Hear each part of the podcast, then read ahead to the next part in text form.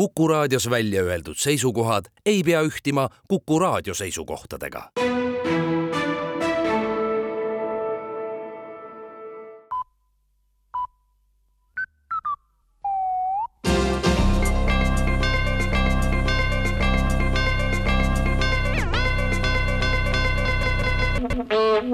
tere kuulama uudiseid stuudios Rohke Develak valitsus annab teada, et on alustamas põhjalikku tervishoiusüsteemi remonti, mille käigus minnakse peagi üle Selve haiglate süsteemile, mis tähendab, et haiglad koos hoonete ja sisseseadega jäävad küll alles, personal aga lahkub järk-järgult ja patsientidel on võimalus Selve haiglates ennast ise ravida kättesaadavaks jäävad õpivideod ja meditsiinitehnika, need patsiendid, kellel on juba natuke parem hakanud, saavad teistele haigematele edasi anda kogemuse, mida tuleks ette võtta, et parem hakkaks. keegi ei saa paremini aru patsiendi probleemidest kui see, kes on ise patsient olnud ja siis terveks saanud Selve haiglad saavad olema inimestele tasuta, kui tervenenud patsient pärast ise ka ühe patsiendi terveks ravib. maksta tuleb Selve haiglas ravi eest ainult siis, kui inimene tahab kohe pärast terveks saamist koju minna. ilma arstide ja õdedeta meditsiinisüsteem on riigile kordades odavam ning samuti ei saa siis patsiendid enam kehvas ravis riiki ja arste süüdistada, lisab valitsus ja seltskonnakroonikat. eile sai meediale teatavaks, et Riigikogu liige Jürgen Ligi on Jüri Ratast pikalt saatnud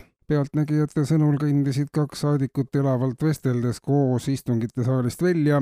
Läbi kogu Toompea lossi, aitasid teineteisele riidehoius palitu selga ja väljusid lossi platsile, kus Jüri Ratas sammus vanalinna suunas. Ja oli näha, kuidas Jürgen Ligi pikalt-pikalt veel teda saatis, kuni mõlemad saadikud kadusid vanalinna majade vahele. Teiste saadikute sõnul ei ole see esimene kord, kui Jürgen Ligi on Jüri Ratast pikalt saatnud eilsele valitsuse poolt korraldatud tööandjate ja töövõtjate kohtumisele oli esmakordselt äh, nüüd kutsutud ka tööjätjate esindajad, et arutada neljapoolselt olukorda tööjõuturul. peamine teemade ring puudutaski tööjätjaid, kelle nõudmine oli, et tööandjad ja töövõtjad peaksid tööjätjatele kompensatsiooni maksma seni on töö jätjatele ühiskonnas alati viltu vaadatud ja töö jätmine on taunitav ja tihti ebameeldivusi kaasa toov. kui tööjätja taga ei jätaks teistele tööd, siis poleks ka töövõtjatel seda tööd kusagilt võtta, see unustatakse tööjätjate sõnul alati ära. Praegu on tihti nii, et tööandja annab tööd, tööjätja jätab selle vastu võtmata või jätab töö pooleli